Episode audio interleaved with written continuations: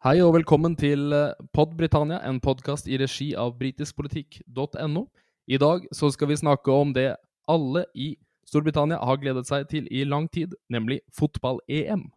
Og i dag i studio så har vi med oss Erik Mustad, Øyvind Brattberg og undertegnede Per Åsmund Reimert. We shall never surrender. The pride in who we are is not a part of our past. It defines our present and our future. The people of Scotland have spoken. England, Scotland, Wales, Northern Ireland together, taking us forward, unleashing the potential of the whole country.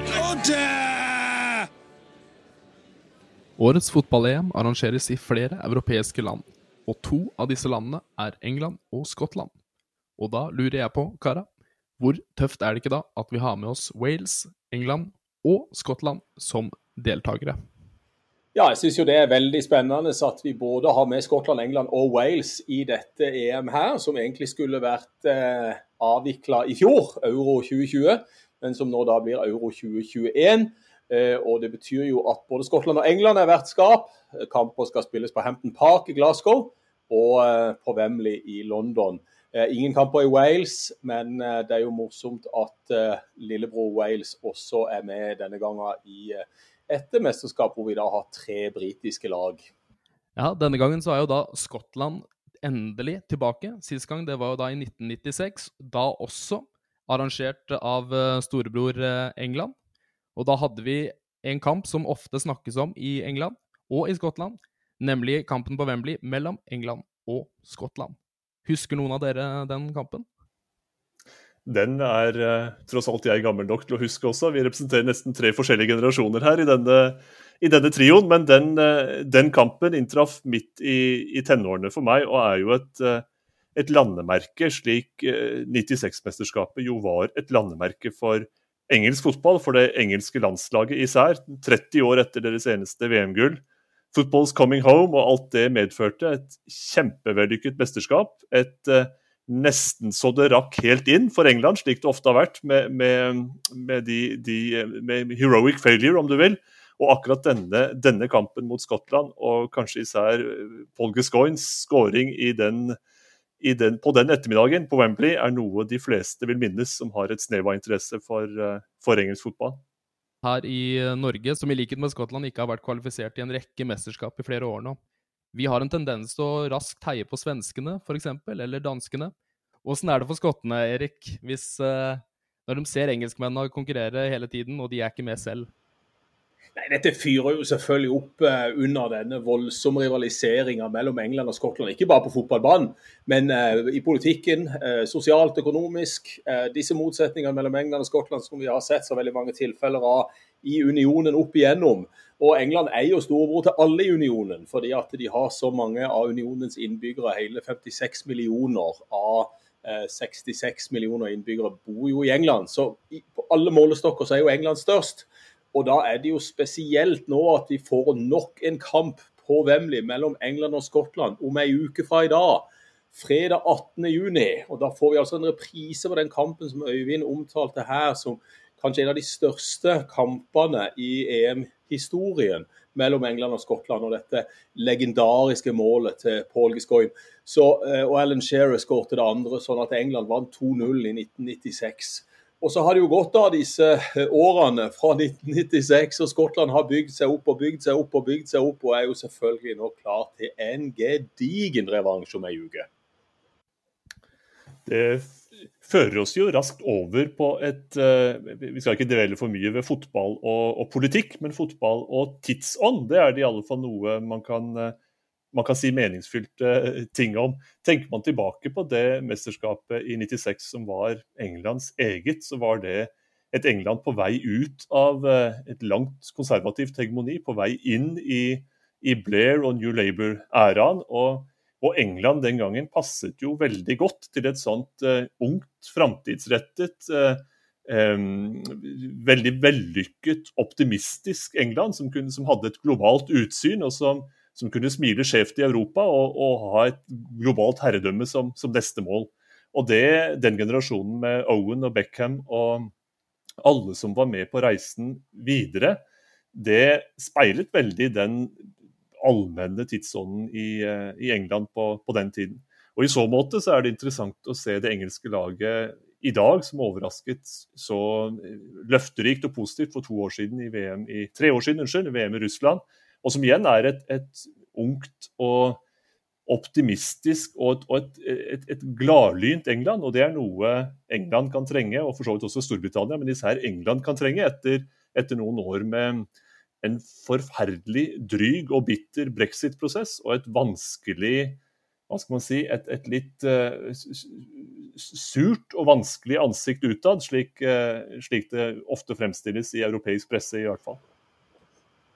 Og så er det jo interessant, hvis vi tar tilbake eh, fotballhistorikken her, og så tenker vi på at England ble slått ut, dessverre, i semifinalen på straffespark mot Tyskland.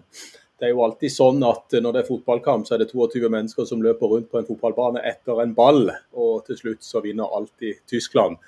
Eh, det gjorde de jo i 96, eh, og de slo ut England på straffesparkkonkurranse i semifinalen.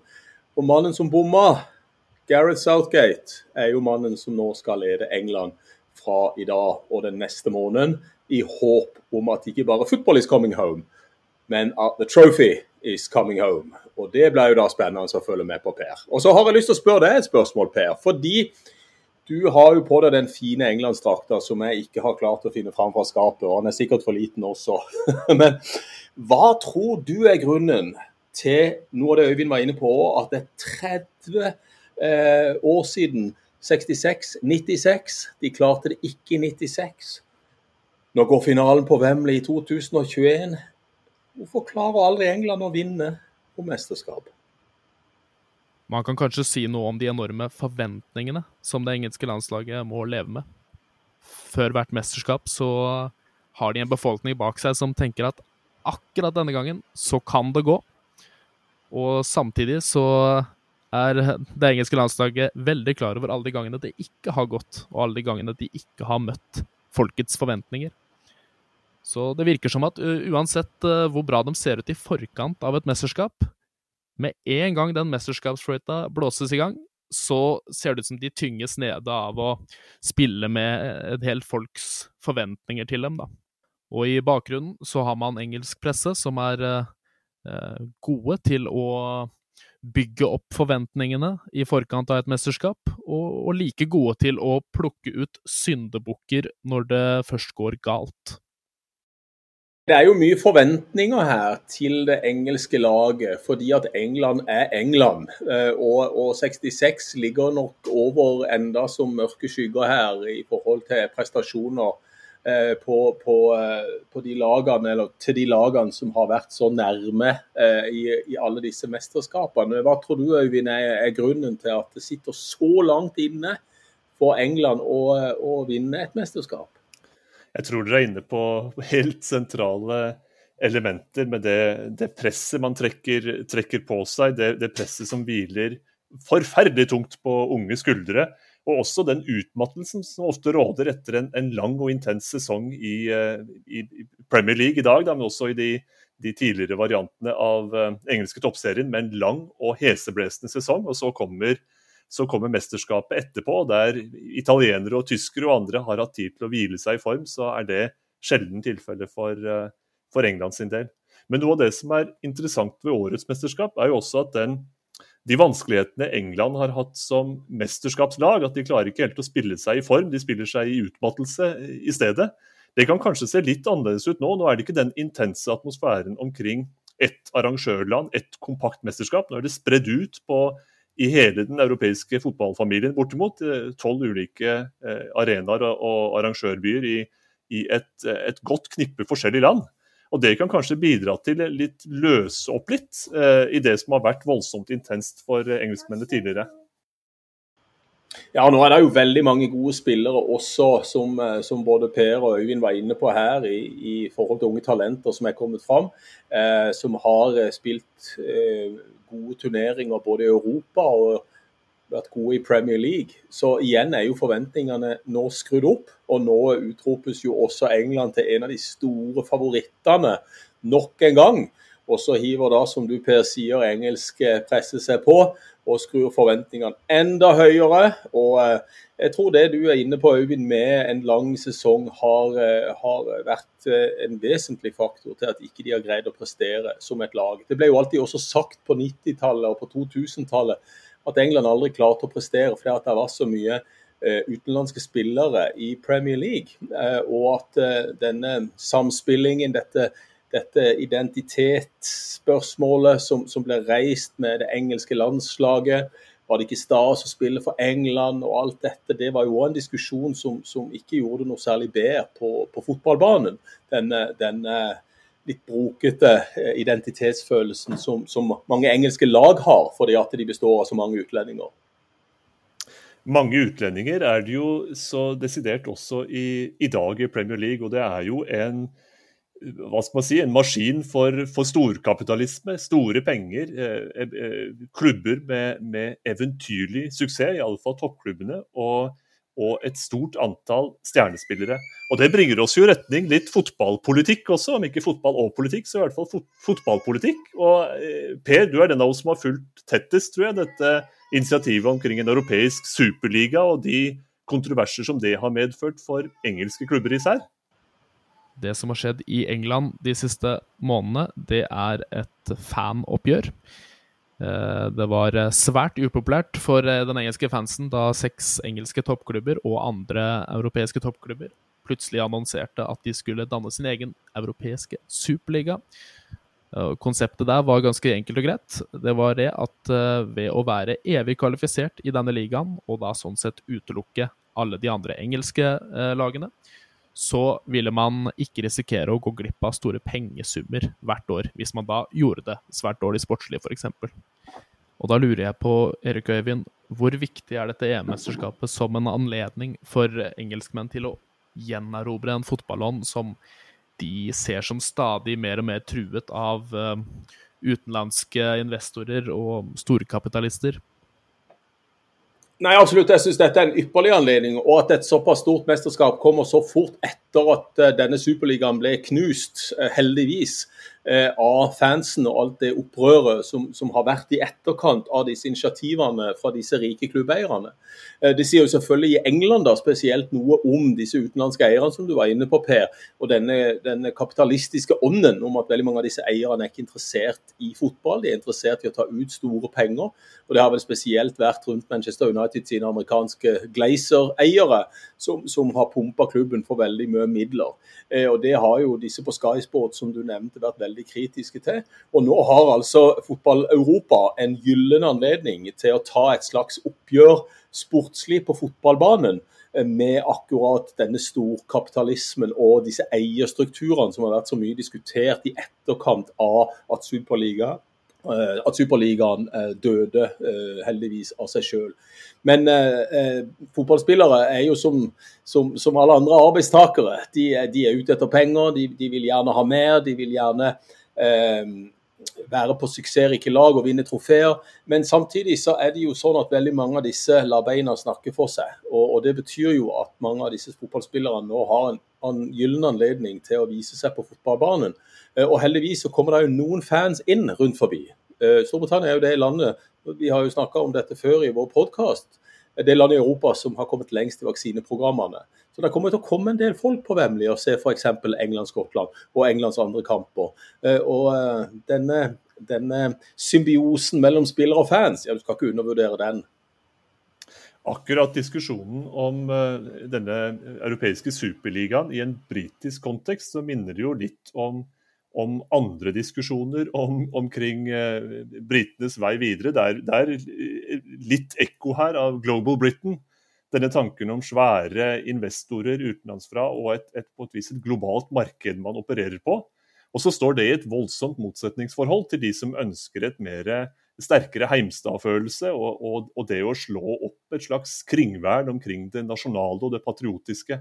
Og Det var jo eh, en slags klemme på et vis for, for, Boris Johnsons regjering også. Hvordan skal man respondere på dette initiativet? Men realiteten var ikke så mye av en klemme. Det, man slår neven i bordet og sier at vi er patrioter. Vi ønsker ikke at dette skal gå over styr.